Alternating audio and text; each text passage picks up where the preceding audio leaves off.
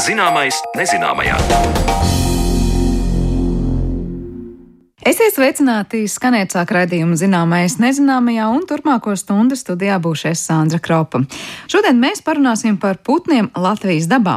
Mazais ērglis ir viens no tiem putniem, kur populācija līdz šim ir bijusi viena no stabilākajām Latvijā un viena no lielākajām Eiropā.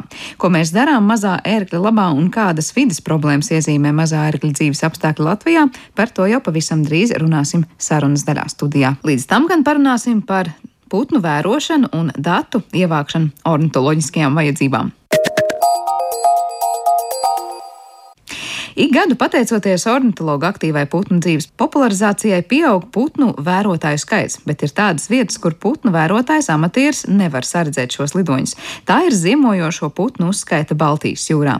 Kā notiek šo datu vākšana? Ornitologiem sēžot nelielā lidmašīnā, par to interesējās mana kolēģe Zane Lāse Baltāksne. Nelielā divmotoru lidmašīnā tas ir drošības pēc, ja gadījumā viens no dzinējiem sabojājas, sēd gaisa kuģa pilots, kuram ir svarīgi lidojuma laikā saglabāt vienmērīgu augstumu, tas ir 76 metrus virs jūras līmeņa, un speciālisti, kuru bagāžā ir GPS uztvērējs un diktafons, un, protams, termos ar tēju vai kafiju un uzkodas jo mēraparātam ir jābūt labi uzturētam. Tā par proviantu smaidot saka Latvijas Universitātes Bioloģijas institūta pētniece Antra Stīpniece, viena no ilgadējām ūdensputnu pētniecēm un skaitītājām. Mums ir diktafoni un GPS, tā globālās pozicionēšanas iekārta, jā, tā ir visa tā pasākuma pamats, ka mēs zinām, kurā sekundē mēs kur esam atradušies. Mēs arī cenšamies precīzi tajā laikā stāstīt visu, ko mēs redzam. Un tad tādā nāc mājās piesien to pie kartes un, un var izrēķināt tās biezības, cik kurā vietiņā ir bijis. Un tas cilvēks, kas sēž tur un skatās apmēram vienā leņķī, nu, mēs esam, kādi nu mēs esam, bet iespējami labi, mēraparāti. Mēs mērām. Manas acis ir un, un, un mute ir mēraparāts. Antras stīpnieces pieminētais Ainārs ir šo ziemojošo putnu uzskaits organizētājs un datu apkopotājs Latvijas Universitātes bioloģijas fakultātes zooloģijas un dzīvnieku ekoloģijas katedras vadītājs Ainārs Auniņš. Sarunu ar viņu dzirdēsim mazliet vēlāk. Bet turpinot par putnu skaitītāju darba specifiku, Antra Stīpniece bilst, ka arī ir jāiemācās noturēt uzmanību tā, lai pirmajā stundā neizšķiestu visu sajūsmu un enerģiju, un koncentrēšanās spējas paliktu nemainīgas visu lidojuma laiku. Un tad, kad ir tie putniem bagātie gabali, tad jau ļoti viegli ir uzmanību. Tur taisn, ak, kāpēc es tik lēni varu parunāt nu, tajos tukšajos gabalos, nu, tur arī tur ir esi rāms, bet neaizmiedz. Es saprotu, ka ieraudzīt uh, virs ūdens pāris desmit putnus, uh, tos ir samērā viegli saskaitīt. Bet sakiet, kā jūs varat noteikt precīzu putnu skaitu, ja tur ir vesels bars un vēl no attāluma, no augstuma tie jums ir jāsaskaita? To ir vieglāk pamanīt. Tikko ir 20 un vairāk, to nevar precīzi izskaidrot. Mēs vērtējam. Mēs arī pirms lidojuma trenējamies, speciāls tādas treniņu programmas izveidotas. Nu, vecos laikos, kamēr nebija vēl datoru, tad vienkārši bija glāze ar zirņiem, ko izsvieda uz segas. Mans dēls zināja, cik tai glāzē ir zirņi. Es nezināju, es centos noteikt. Tagad arī ik viens interesants pats var trenēties putnu skaita noteikšanā no attāluma. Antra Stīpniece ieteica interneta saiti, ko ir izstrādājusi Ziemeļamerikas dabas aizsardzības organizācija, un tur ir pieejama gaisa novērotāja apmācība un tests. Atveram to, izvēlamies, cik lielu putnu baru mēs vēlamies saskaitīt, sākot no 100 līdz pat pāri 3000. Uzklikšķinām uz attēlu, kur kamera slīd vairāku desmit kilometru augstumā, un tad 3, 6 vai 10 sekundžu laikā ir jāpasaka, cik putnu ir redzams. Jāpiebilst, ka daudz vietu piedāvātajos attēlos putnu bars izskatās kā mannas graudiņa vai ķimeņu sēklas uz ūdens klāja. Tik tālu par putnu skaitītāju apmācības metodēm, bet turpinājumā attālināti ierakstītā sarunā ar ornitologu Aināru Auniņu runājam par mūsu ūdeņos ziemojošām putnu sugām un to uzskaiti. Nav tā, ka uzskaitas veicējs iekāpt lidmašīnā ar kaut kādu blociņu un tur kaut ko rakstīt. Tur ir atstrādāta schēma, kādā veidā iegūt datus ar eh, laika un vietas piesaisti. Pirmkārt, nu, visas lidmašīnas ir aprīkotas ar mm, GPS uztvērējiem. Ar globālās pozicionēšanas sistēmas uztvērējiem, eh, kuri eh, ieraksta maršrutu un par katru sekundi ir pieejams punkts, kur tajā sekundē lidmašīna ir atradusies. Tajā pašā laikā visiem novērotājiem, kas ir lidmašīnā, viņiem ir diktafoni, kurā e, tiek ziņoti visi novērojumi. Lai šos novērojumus varētu nu, laikā un telpā e, sasaistīt, tad visiem novērotājiem ir arī tie paši GPS uztvērēji ar ļoti precīzu pulksteni. E, līdz ar to viņi šajos diktafonos sākot uzskaitīt ziņo precīzu laiku, ieraksta sākumam, sekundi sekundē, un tālāk jau mēs šo visu. Visu ziņoto šajā ziņojumā varam precīzi sasaistīt ar šī globālās pozicionēšanas sistēmas uztvērēja ierakstīto maršrutu, kur katrā sekundē šī lidmašīna ir bijusi. Tātad mēs līdz ar to varam zināt, uz kuru vietu attiecas katrs no ziņojumiem šajā ierakstā. Un līdz ar to pēc tam to visu apstrādājot, ja visus šos novērojumus iespējams nu, pietiekami precīzi uzlikt uz kartes. Ainār, vai jūs varat pastāstīt, kādi tad ir tie tradicionālākie ziemojošie putni, kuri mīt mūsu Baltijas jūrā? Teiksim, daudzskaitlīgākā suga, kas mūsu ūdeņos uzturās no kājām, ir sudrabkājas, tāpat arī kajaki krietni daudz eh, ziemas periodā. Tad eh, vēl ir tādas melnspārnu kājas un reņģu kājas, tās ar melniem vai ļoti tumšiem spārniem. Un tad ir eh, divas ķīru sugas, lielais ķīrs un mazais ķīrs. Un īpaši pēdējā laikā abas šīs sugas arvien vairāk ziemo mūsu jūras ūdeņos. Un viena no šīm sugām, tieši mazais ķīrs, mēdz veidot pat diezgan lielas koncentrācijas atklātos eh, jūras ūdeņos. Zinot, ka pēdējos gados klimata pasiltināšanās dēļ daudzi putni nedodas ziemot tik dziļi uz dienvidiem, savukārt tās ziemeļu sugas atkal nelido ziemot pie mums. Kā tas ir, ja mēs skatāmies uz tām ūdens putnu sugām, kuri ziemo šeit mūsu ūdeņos? Pārsvarā tās pīles, kas ziemo pie mums jūrā, tās nu, lielākoties liks dot tālu uz ziemeļiem tundrā, būtībā saistībā ar klimata pārmaiņām daļa no tur likstojošajām populācijām paliek ziemot tur Baltijā jūrā, ja ir kaut kādās neaizsalušajās vietās. Tas varētu būt viens no iemesliem, kāpēc kaut kāds mazāks skaits atgriežas ziemot eh, mūsu ūdeņos. Bet nu, mums, protams, ir jāskatās uz Baltijas jūru kā ziemošanas vietu, kā uz kaut kādu vienu kopumu, kam būtībā ir viena šī ziemojošo populācija. Jo nu, šie putni, kas kaut kādā brīdī var būt pie mums, citā brīdī var būt kaut kur Polijas ūdeņos vai, vai Igaunijas ūdeņos, tad tur ir varianti. Bet, protams, saistībā ar klimata pārmaiņām arvien mazāk ir tādu ziemu, kad eh, liela daļa Baltijas jūras ūdeņu aizsalst. Tātad eh, arvien tālāk uz ziemeļiem principā ir pieejamas eh, atklātu ūdens platības, neaizsalušas platības. Bet ir vēl viens aspekts, kas jāņem vērā.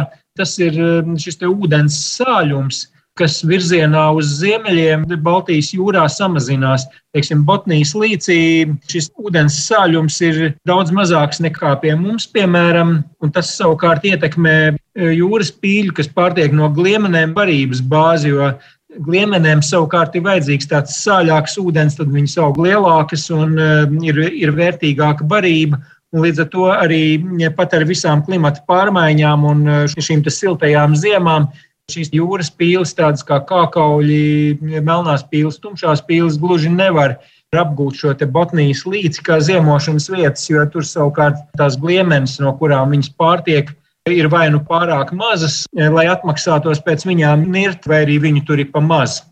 Tātad, ja es pareizi sapratu, tad barība ir uh, primārā, kas nosaka nu, jebkuru ne tikai ziemojošo putnu uzturēšanās vietu. Barība vienmēr būs tas primārais. Protams, ietekmē arī ledus apstākļi. Mums ir jāsaprot, kas teiksim, tām nu, klasiskajām jūras pīlēm ir vajadzīgs. Viņām ir divi nosacījumi. Tātad ir jābūt barībai, kas ir pietiekami ērti sasniedzama. Un tas nozīmē, ka nav pārāk dziļi jānirst. Tas nozīmē, ka principā jo seklāk, jo labāk, jo nu, mazāks dziļums nirstot ir eh, mazāks enerģijas patēriņš, lai nokļūtu līdz barībai, un tā, tad tas ir izdevīgāk. Un eh, tāpēc augstākie šie jūras pīļu blīvumi ir, teiksim tā, daži metri vai nu, līdz 20 metri, varbūt arī nedaudz dziļāk, bet jo dziļāk, jo tur šie blīvumi samazinās. Un tas nozīmē to, ka nu, šīs augstākās koncentrācijas vietas būs relatīvi netālu no krasta, un arī mm, dziļāk jūrā, kur ir sēkļi. Un šādi sēkļi mums ir, nu, piemēram, pretī ovīšu ragam ir, ir tādi ļoti izteikti sēkļi, ovīšu sēkļi, vinko, mazvinko sēkļi, vēl tālāk dziļāk jūrā virzienā uz Zviedriju, tur vēl ir tāds bezimjannijas sēklis. Visi šie sēkļi ir ļoti nozīmīgi šīm pīlēm. Bet nu, arī šī tuvāka piekrastes josla. Gan atklātā jūrā, gan Rīgas jūras līcī. Rīgas jūras līcī, teiksim, visi līči rietumu piekraste, principā no, no kolkas līdz ragaciemam, tās ir ļoti, ļoti vērtīgas ziemošanas vietas. Vēl viena lieta, protams, ir šīs vietas nebūs izmantojamas tad, ja viņas būs aizsalušas, Tā kā mūsu austrumkrasts līcina daudz ātrāk parasti aizsalst nekā rietumkrasts, tad eh, tāpēc mums tās koncentrācijas vairāk ir šajā rietumkrastā un tālāk jau lieljūrā mm, sēkļos nekā šajā austrumkrastā, bet eh, tādās bezledus ziemās ļoti labas koncentrācijas var būt arī Rīgas līča austrumu piekrastē. Par ziemojošo ūdensputnu uzskaitu stāstīja ornitologi Latvijas Universitātes Bioloģijas institūta pētniece Antra Stīpniece un Latvijas Universitātes Bioloģijas fakultātes zooloģijas un dzīvnieku ekoloģijas katedras vadītājs Ainārs Auniņš. Bet raidījuma turpinājumā pievēršamies pētījumiem par mazo ērgli Latvijā. Música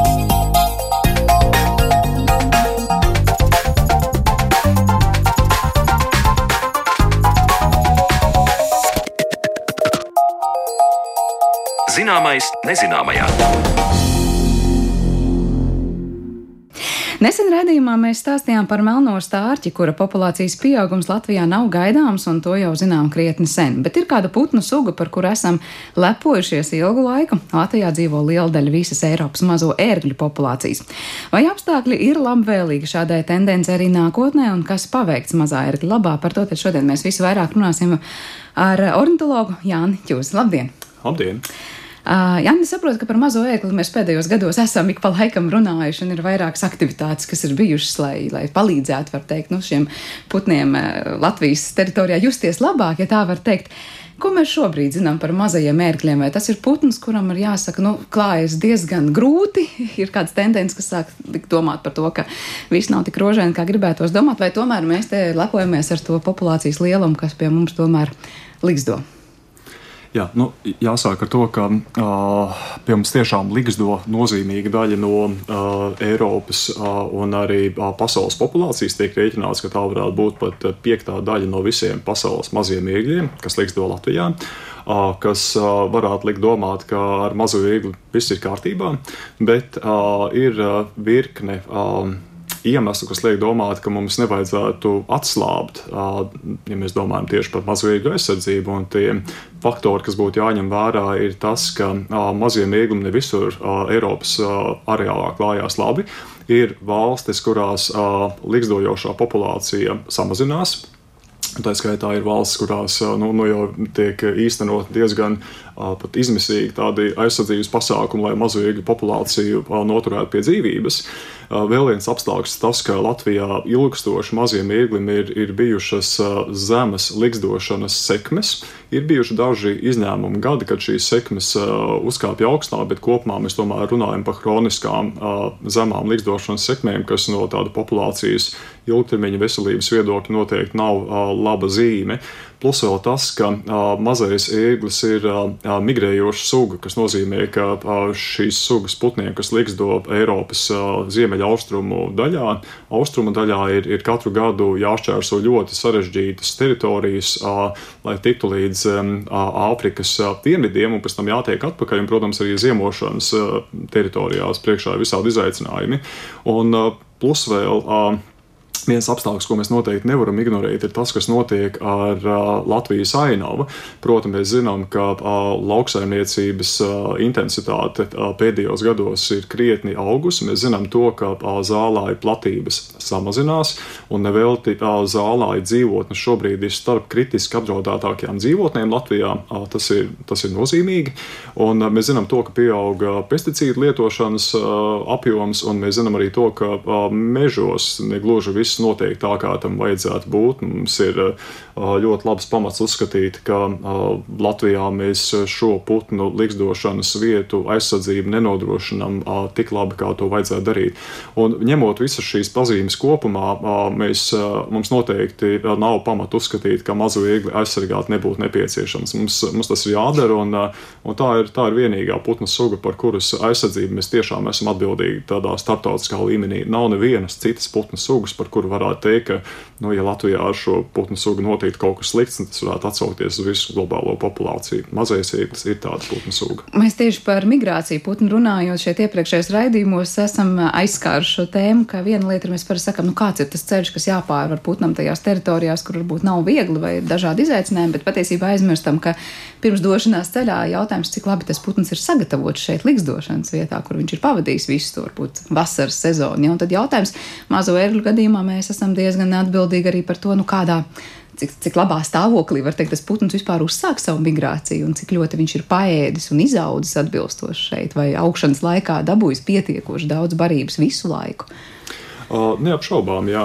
Nu, jāatzīst, gan, ka, ja mēs runājam par jaunajiem putniem, un, un parasti tieši jaunajiem putniem šī migrācija ir visizaicinošākā, nu, mazajiem mērglim ir, ir tāds interesants evolucionārs pielāgojums, tāds kā drošības vārsts, kas nodrošina to, ka nu, lidotspēju sasniedz stiprākie, vitālākie ja, jaunie putni, proti mazajiem mērgļiem ir izteikts silicīts, jeb kainesms, kas nozīmē, ka parasti liks aizaugt tikai viens jaunais putns. Ļoti, ļoti retos gadījumos tie ir divi jaunie putni. Praksē tas nozīmē to, ka ērgļu mammas parasti dēļ divas olas, no šīm divām olām izšķiļās divi mazuļi, un tad aptuveni nedēļas vecumā vecākais mazulis sāka uzbrukt jaunākiem mazulim, viņu beigās nogalinot, tas jaunākais mazulis tiek beigās vienkārši apēsts. Un, Tā visa rezultātā nu, šī konkurence uz ligas par barību nu, vienkārši nepastāv. Tas nozīmē, ka nu, ir, ir labas iespējas, ka tas jaunais putns, kas liks aizaugs, būs, būs salīdzinoši labā, labā kondīcijā. Bet redz, viņš ir apēdis to savu jaunāko brāli vai māsu ja, tajā brīdī. Bet jautājums, kas notiek pēc tam, ja tā dzīvotne un vispār ainava ir neatbilstoša, nu pat ja viņš tajā pirmajā nedēļā varbūt pēc tam zina, ka ir ticis pie tā otra putna, tas jau nenozīmē, ka viņam visu to augšanas laiku tās barības pietiek kas ir tie lielākie apdraudējušie faktori Latvijā, kāpēc tie jaunie putni varētu nu, neizaugt tik spēcīgi, kā vajadzētu? Nu, mēs, mēs labi zinām to, ka uh, putnu pasaulē uh, pats pamats ir, ir, ir barība. Tas nozīmē, ka, ja ir pieejama barība, tad uh, nu, var gadīties, ka uh, daudzi citi no riskiem uh, nu, teiksim, tā var kļūt nedaudz, nedaudz sekundāri.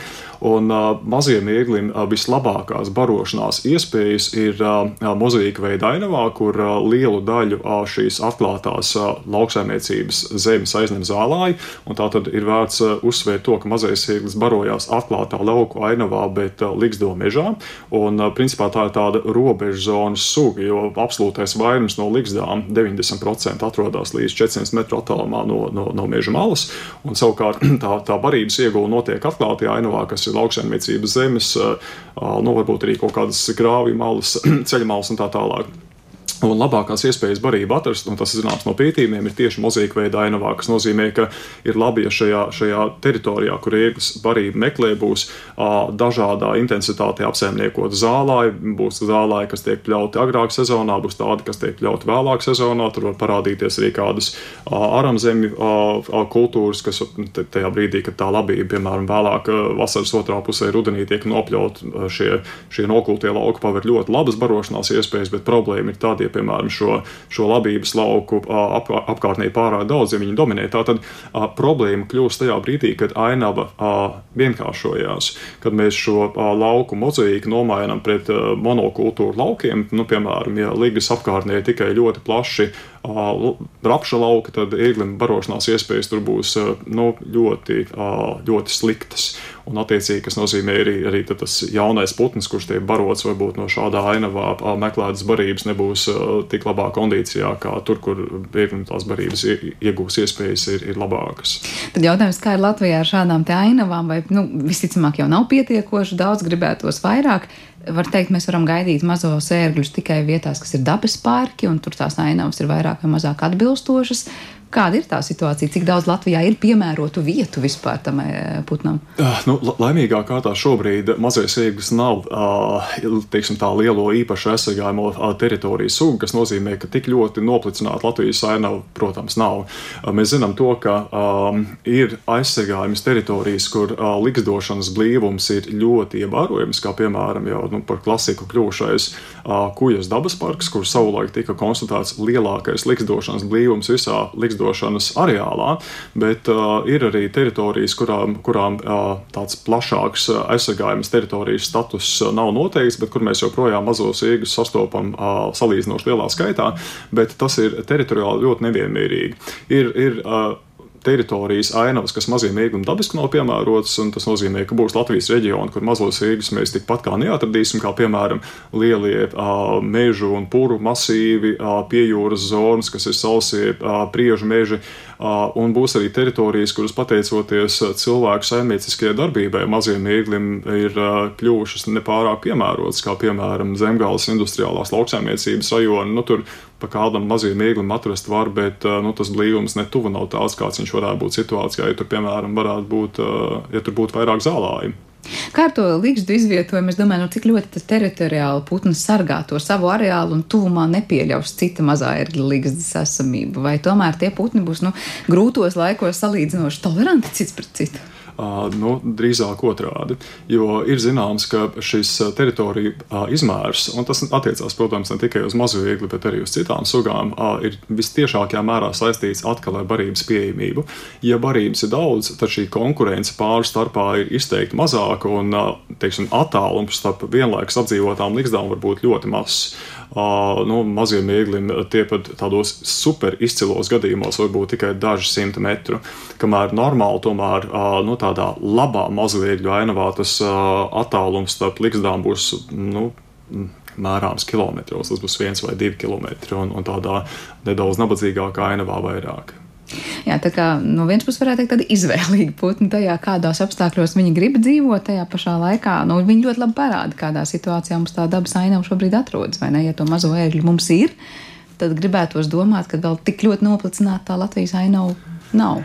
Nu, noteikti, noteikti mēs nevaram teikt to, ka Latvijas ainava būtu noplicināta, bet, nu, kā jau iepriekš teicu, mums nebūtu pamats justies ļoti pašapmierinātiem, jo, jo tās tendences, kuras šobrīd mēs Latvijas ainavā vērojam, mums liek justies satrauktiem. Es saprotu, ka ir bijuši konkrēti gadījumi, kad Latvijas ornitoloģijas biedrība un Latvijas dabas fonds, es saprotu, apkopoja datus par iznīcinātajām ligzdām un nodevuši tālāk šo informāciju ir vidas aizsardzības un reģionālās attīstības ministrijai un zemkopības ministrijai. Kas tur ir bijis par iemeslu un kā tālāk notiek tā virzība? Uh. Jā, tā tad eh, jāsaka to, ka mēs eh, nu, nu pat kopā ar Latvijas ornitoloģijas biedrību un vēl uh, vairākiem citiem partneriem pabeidzām lielu piecus gadus ilgu darbu pie mazā ēgļa aizsardzības Latvijā. Un šī projekta ietvaros gan tika atjaunots un apstiprināts sugas aizsardzības pasākumu plāns, gan arī notika apjomīgs darbs pie ligzdu meklēšanas un aizsardzības nodrošināšanas. Un, nu, kā jau tas bija sagaidāms, tajā brīdī, kad tā paraugkopa, proti atrasto ligu skaits bija liela, ievērojama. Mēs atradām kopā pie 540 līgzdām. Un, protams, ka tas parādīja to, kāda ir reālā situācija ar, ar šo putnu aizsardzību Latvijā. Nebija pārsteigums, ka mēs katru gadu konstatējām, ka aptuveni 10% no atrastajām jaunajām līgzdām ir tā vai savādāk saimnieciskās darbības ietekmēs. Tā tad bija līgas, kuras mēs atradām tikko ciršanai sagatavotos mežos, tā skaitā līgas koki bija izīmēti kā cērtami. Bija situācijas, kad mēs bijām pie līgas maijā kad Ligzdā ir olas un turpat blakus rūts tehnika un, un, un Ligzda bija svaigi pamest. Un, mums arī bija ekstrēmi gadījumi, kad mēs konstatējām, ka Ligzdu koki un li, visas Ligzda audzes ir nocirstas jau izveidotos mikroliegumos. Un, uh, skatoties šo situāciju dziļāk, tapa skaidrs, ka Latvijā ir ļoti nepilnīgi normatīvi, kas regulē mazvieglu aizsardzību un ne tikai mazvieglu aizsardzību. Mēs runājam principā par to, kā mēs sargājam retās, īpaši aizsargājumās mežos likstojušās putnu sugas. Tas pats attiecās arī uz melnostāķu un virkni, virkni citu sugu. Un, un mums ir direktīva, putnu direktīva, ko, kas ir Eiropas līmeņa dokuments, kas mums ir saistoša. Direktīva nosaka to, ka, nu, tā vienkāršojot, ka īpaši aizsargājamo putnu sugu likstošanas atradnes postīt nedrīkst. Tad mēs tālāk principā to pašu pasakām savā sugu un biotopu aizsardzības likumā, un, un ar to arī viss beidzās. Un nu, būtu jābūt reālam instrumentam, ka šīs prasības no sugu un biotopu aizsardzības likuma jau pārnes tālāk reālajā dzīvē, kas nozīmē, ka ja es esmu meža īpašnieks un man ir, man ir zināms, zināms pienākums sargāt šīs, šīs dabas vērtības un, un valsts ar normatīviem, kas regulē to, kādā veidā mēs mežsaimniecisko darbību mežos īstenojam, pasaka, ka šādas vietas postīt nedrīkst. Un ir noteikti teiksim, tā drošības mehānismi, kas šādas vietas atrod un, un pēc tam to aizsardzību nodrošina. Un tur, protams, ir, ir, ir sāpīgais jautājums par kompensācijām aizmugurē. Un, Tā ir arī lieta, uz ko mēs esam vērsuši varam uzmanību, ka kamēr kompensācija jautājums nebūs sakārtots un kamēr nebūs sakārtotas šīs iepriekš pieminētās problēmas normatīvos, nu mēs par tādu tiešām reālu dabas aizsardzību Latvijā, kas būtu plānota un sistēmiska, runāt nevarēsim. Un mēs šo informāciju par postītajām ligzdām esam vairākus gadus sūtījuši abām atbildīgajām ministrijām, bet nu, jāatzīst, ka mēs diemžēl no tādu pretimnākšanu neesam sagaidījuši un tā visa rezultātā Šogad pavasarī mēs, mēs sagatavojām un iesniedzām sūdzību Eiropas komisijai par to, ka Latvija nepilda šo, šo pašu uzņemto apņemšanos nodrošināt reto putnu sargāšanu. Kas tajā gadījumā draud tālāk Latvijai? Nu, mēs, mēs, mēs, mēs ļoti ceram, ka tas beigsies ar to, ka sekos aizrādījumi no Eiropas komisijas un mūsu mūs valsts vienkārši savāksies un izdarīs darbus, kurus vajadzēja izdarīt jau, jau sen iepriekš. Mēs ļoti ceram, ka tas nenonāks pie kaut kādām naudiskām sankcijām. Bet tas ir šobrīd procesā. Ja mēs to rezultātu gaidām kaut kādā mm, noteiktā laika nokrīsnī, tuvā vai tālā nākotnē. Jā, šī, šī, šī sūdzību procedūra prasa zināmu laiku, un jāatzīst, ka Latvijā līdz šim šo instrumentu nevalstiskās organizācijas faktiski nav izmantojušas atšķirībā no citām valstīm, piemēram, no Igaunijas, kur mūsu kolēģi ar, ar šādām sūdzībām strādā ļoti sistemātiski. Viņi redz, ka nu, teiksim, ir nevēlēšanās no valsts iestāžu puses risināt acīm redzamas problēmas, un tad aicina šajā procesā iesaistīties Eiropas komisija. Nu, iespējams, ka Latvijā nākotnē šis instruments tiks eh, izmantots vairāk. Bet tais, eh, tā situācija, ko aprakstīja pirms brīža par šiem konkrētiem gadījumiem, kad ir iezīmēts cērtamais koks, lai arī tajā ir līgsta vai līgsta ir tikko svaigi pamest un tur jau strādā tehnika, te ir stāsts par privātajiem tikai mežiem vai valsts mežiem? Uh, jā, tie, tie ir absolūti jau vairumā privātie meži, jo ir arī tāda interesanta uh, īpatnība, ka uh, mazā egļa gadījumā mēs uh, nevaram šī putna aizsardzību nodrošināt, neskarot privāto meža īpašnieku intereses, jo divas trešdaļas no visām ligzdām Latvijā atrodas privātos mežos, tātad valsts mežā ir tikai viena trešdaļa, un tas ir labi izskaidrojums ar, ar jau iepriekš pieminēto uh, apstākli, ka mazais ieglis ir mežmāla suga. Tātad, nu, Lielais vairums liktos mazos puduros, lielāku meža masīvu malās, un vēsturiski tā ir sanācis, ka tie galvenokārt ir, ir, ir privāti meži. Un, nu, par valsts mežiem runājot, ir, ir noteikti jāuzsver arī tas, ka valsts mežiem tomēr ir sava, savs nu, vērtēšanas mehānisms, savs drošības vārsts, kā, kā nu, šie, šīs teritorijas tiek pārbaudītas. Un, nu, protams, arī valsts mežos gadās kādreiz, ka kaut kas tam filtram izsprūg cauri, bet filtrs ir atšķirībā no privātiem mežiem, kur šāda filtra faktiski nav. Kā ar šiem privātiem meža īpašniekiem? Tur ir uh, izpratnes trūkums, vai tā ir vienkārši klāja nevēlēšanās domāt par sugas aizsardzību, jo tas ir naudas jautājums, un kā tu minēji, kamēr nav sakārtots kompensācija jautājums, tur vispār lietas nekustēties uz priekšu, vai tā vienkārši ir cilvēku nezināšana, ko viņi dara? Uh, nu, protams, ka jā, jāņem vērā tas, ka meža īpašnieki ir precīzi tāda pati sabiedrības daļa kā, kā, kā daudzas citas. Tur tas uh, teiksim, tā, gan zināšanu spektrs, gan interešu spektrs un varbūt arī atbildība ir, ir nu, vis, vis, visplašākajā, uh, visplašākajā spektrā izkliedēts. Un, izkliedēts. un ir īpašnieki, kas ir ļoti apzinīgi, kas paši meklē ornitologus, lai pārliecinātos par to, ka viņu mežā esošā lielā ligzdā nu, kam šī līgsta pieder, lai pēc tam varētu pieņemt pareizus lēmumus, domājot tālāk par šī, par šī meža apsaimniekošanu. Un nu, tajā skalas otrā galā ir cilvēki, kas zinot to, ka mežā līgsto aizsargājums putns, izdarīs visu iespējamo, lai to mežu tomēr nocirstu. Tātad, nu, es teiktu, ka tas ir nu, zināšanu, attieksmes, kultūras jautājums, bet, protams, ka ir situācijas, kad nu, cilvēki arī ir, ir nostādīti varbūt diezgan izmisīgā situācijā, kad ir rēķinājušies ar ienākumiem, un, un tas tā līgas data tiek atrasta. Un, protams, ka šis mikroliegums rada zaudējumus un pamatīgas neērtības.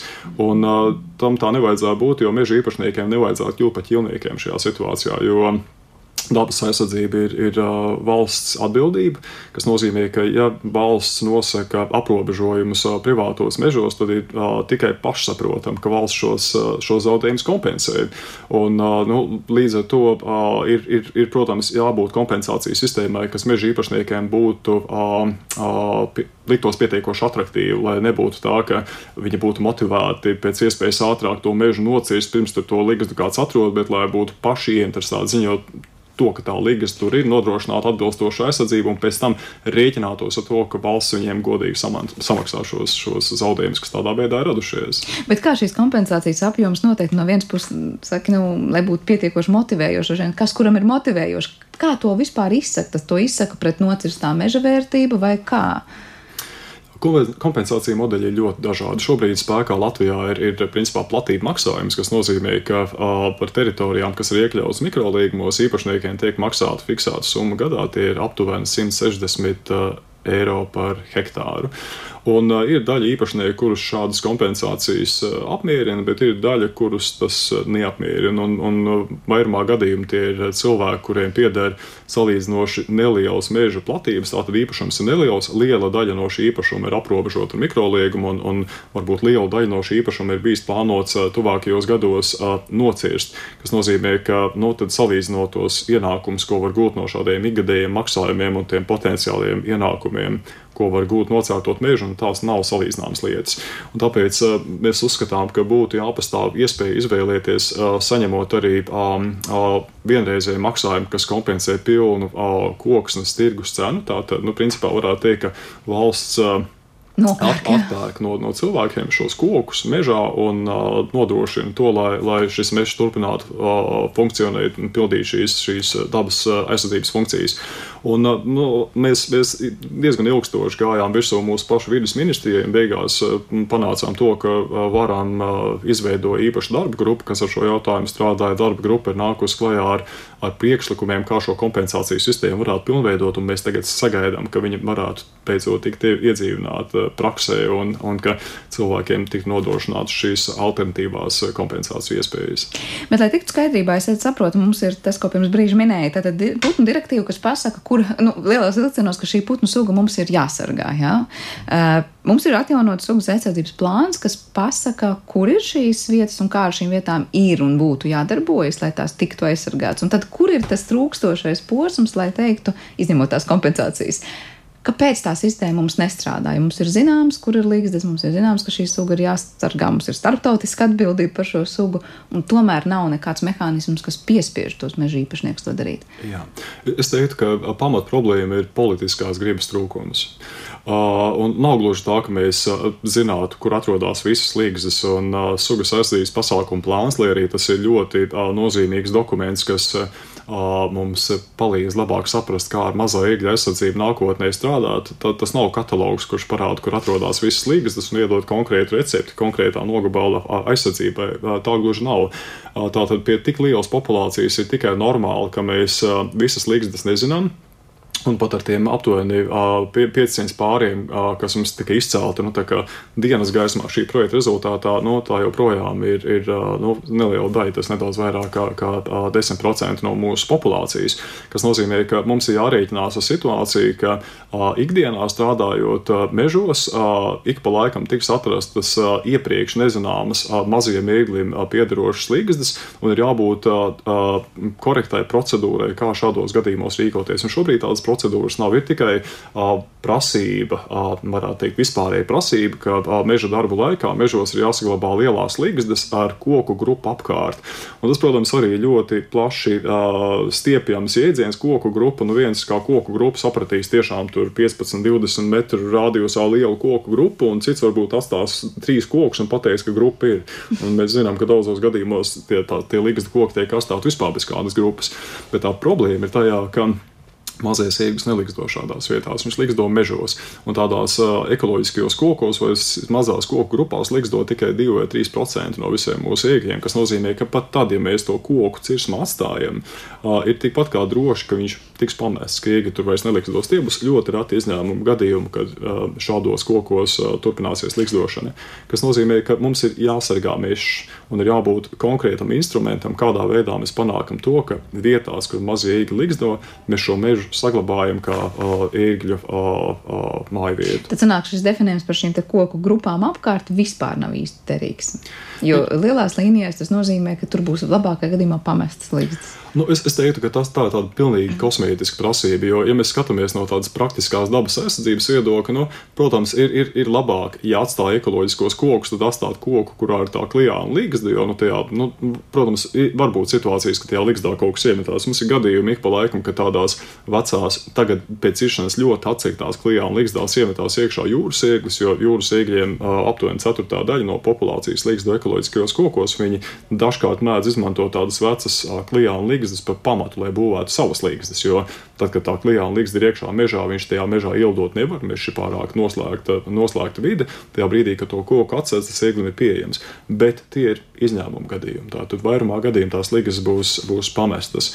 Un tad ir jautājums, jā, kā, kāda ir šie, šie, šie drošības instrumenti, lai tajā situācijā, kad tā līgsta ir, ir atrasta, un tad ir jautājums vēl arī, vai viņi tiek apzināti meklēti. Jo, protams, daudzos gadījumos cilvēki var pateikt, es, es, es to līgstu neatradu, es viņu tur neredzēju. Un tajā brīdī, kad tā līgsta tiek atrasta, vai mēs nodrošinām viņai pareizu aizsardzību. Bet līgsta tiek meklēta, nu, var teikt, tādās nu, projektu ietvaros, tad, kad ir konkrēts pētījums vai aktivitāte, vai, vai patiesībā cilvēki tiek aicināti tiešām visu laiku skatīties, vai viņu mežos nav tās līgstas. Vai nav, nav tā, ka tā tāda epizodiska lieta, kur nu, meklējam līgstas, tāpēc, ka mums ir iespēja tagad to darīt, un mums ir varbūt finansējums to darīt, un pēc tam atkal tas pazūd, bet līgstas mainās. Jā, es, es teiktu, ka uh, līgas apzināšanai būtu jābūt normālai meža uh, apsaimniekošanas praksē.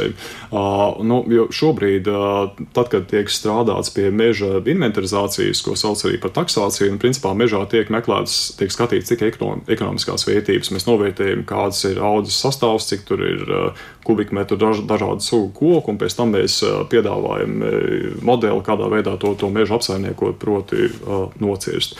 Un būtu normāli tā tādā pašā veidā mežā tiktu vērtētas arī dabas vērtības. Proti, ka tajā brīdī, kad mēs to mežu vērtējam, mēs skatāmies, kādas tur ir dzīvotnes, kādas ratās putnu vai citu dzīvnieku sugas tur, tur, tur mitinās. Un ja mēs saprotam, ka tas mežs ir pārāk vērtīgs no dabas viedokļa, lai viņu drīkstētu nocirst, tad mums ir jau nākamais mehānisms, kas tiek izmantots. Proti, tās ir kompensācijas, ar kuriem mēs cilvēkiem samaksājam par to, ka tas mežs netiek nocirsts.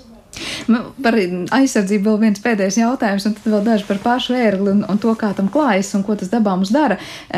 Es saprotu, ka mikroliegums ir tāda nu, vispiemērotākā forma Latvijā, lai sargātu tieši mazā ērgļa līgas, proti, ka tajās vietās, kur ir šis putns, tad mēs varam vismaz kaut kādā veidā tos aizsardzības pasākumus vairāk īstenot. Ko īsti dod mikroliegums mazajam ērglim un ko varbūt ņem? Jā. Uh, arī sugu saistības pasākumu plānā ir uzsvērts tas, ka mikroliegums ir vislabākais mehānisms, kā nodrošināt likstošanas vietu aizsardzību. Šī projekta ietvaros arī tika sagatavots viens zinātnisks pētījums, kur piedalījās mm, pētnieki no Latvijas, Lietuvas un Igaunijas, kas tika publicēts zinātniskā žurnālā, kas arī uzsver to, ka aizsardzības modelim būtu jābūt šādam. Bet mēs pat varētu abstrahēties no šīs sarežģītā uh, nosaukuma mikroliegums un, un parunāt par pašu būtību. Un tā būtība ir tāda, ka mums ir instruments, ar kuru mēs varam nodrošināt nu, tā, tā ļoti operatīvu aizsardzību gadījumos, kad mežā tiek atrastas kādas nu, izklaides esošas vērtības, piemēram, vai nu, īpaši aizsargājumi biotopu vai kādu ratu sugu dzīvotnes. Un tad, protams, ka ir īpaši gadījumos, ja tas skar īpašumtiesības, nu, tas, tas, tas process nevar būt vienkāršs. Nu, viņam pēc būtības ir jābūt tādam, kas ietver zinām birokrātiju. Protams, var diskutēt par to, cik šī birokrātija Latvijā ir laba vai slikta. Viņi noteikti varētu uzlabot, bet tā visa rezultātā tiek izveidota maza aizsargājuma teritorija, kas fokusējās tieši uz šo konkrēto dabas vērtību.